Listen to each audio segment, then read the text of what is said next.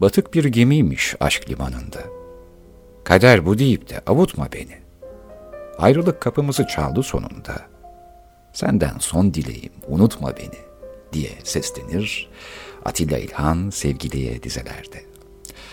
Çoğumuzun kader diyerek katlandığı ayrılıkları yüreğinin acısıyla batık bir gemi olarak betimler.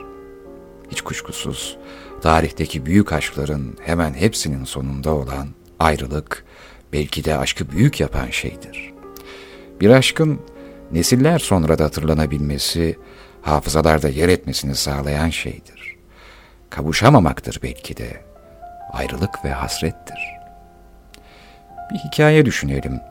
Hayatın renklerinin birlikteliğin, yaşama telaşının ve gündelik hayatın sıradanlıklarının paylaşılamadığı, mesafelere rağmen aşk tohumlarının yeşerdiği bir hikaye. Aşkı kavuşamamak olduğunu kanıtlarcasına yaşanan gerçek bir hikaye. Kahramanlarından biri, eserleri hala güncelliğini koruyan, severek okuduğumuz ancak çoğumuzun yaşamına dair bilgi sahibi olmadığı bir yazar.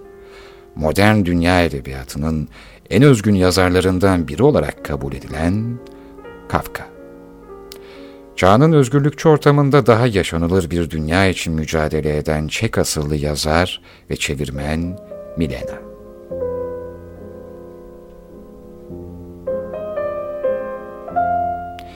Milena ile Kafka 1919 sonbaharında Prag'da tanışırlar. Praglı aristokrat bir ailenin kızı olan Milena'nın Kafka ile tanıştıklarında yaşamında oldukça çalkantılı bir dönemden geçmekteydi.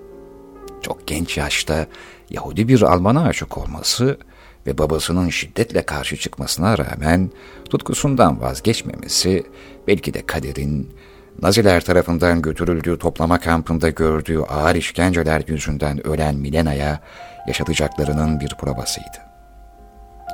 Babası tarafından kapatıldığı sinir kliniği ona hayatının en kötü dönemlerini yaşatmakla kalmamış. Aldatılmış bir kadın psikolojisiyle adeta dibe vurmasına neden olmuştu. Evli olduğu Ernst Polak'la kötü olduğu bir dönemlerde Milana ile Kafka, Kafka'nın orijinali Almanca öykülerini Çekçe'ye çevirmesi hususundaki görüşmelerde tanışmışlardı. Masum ve dostça başlayan mektuplaşmaları, gitgide birbirlerine duydukları arzu ve özlemle artar, ancak ne yazık ki aralarında hep mesafeler vardır. Yaklaşık iki yıl süren bu mektuplaşmalar tutkularının kanıtları haline gelir ve dünya edebiyatının klasikleri arasına girecek olan eserin oluşumunu sağlar. Birbirlerine duydukları aşkları her zaman yüreklerinin en derinlerinde, zihinsel bir yolculuk halinde yaşarlar, hiç kavuşamazlar. Öyle ki Kafka, koca denizin dibindeki minik taşı sever gibi sevdiği Milena'ya duyduğu aşkı, dönem dönem geçirdiği ve bir kere geldi mi gitmek bilmeyen ağır öksürük nöbetlerinin sorumlusu olarak görür ve bir süre sonra da ondan ayrılır. Ayrılırken Milena'ya artık gelme der. Hayatı yazıyla paylaşmaktır oysa onların yaşadığı. Çok sevmiştir Kafka Milena'yı.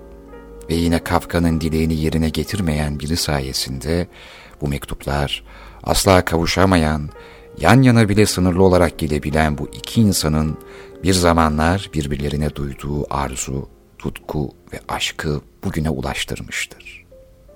Milena Yok edilmesini istediği tüm eserlerinde hayatının en büyük aşkına yazdığı mektuplardaki bu satırların etkisi vardır belki de.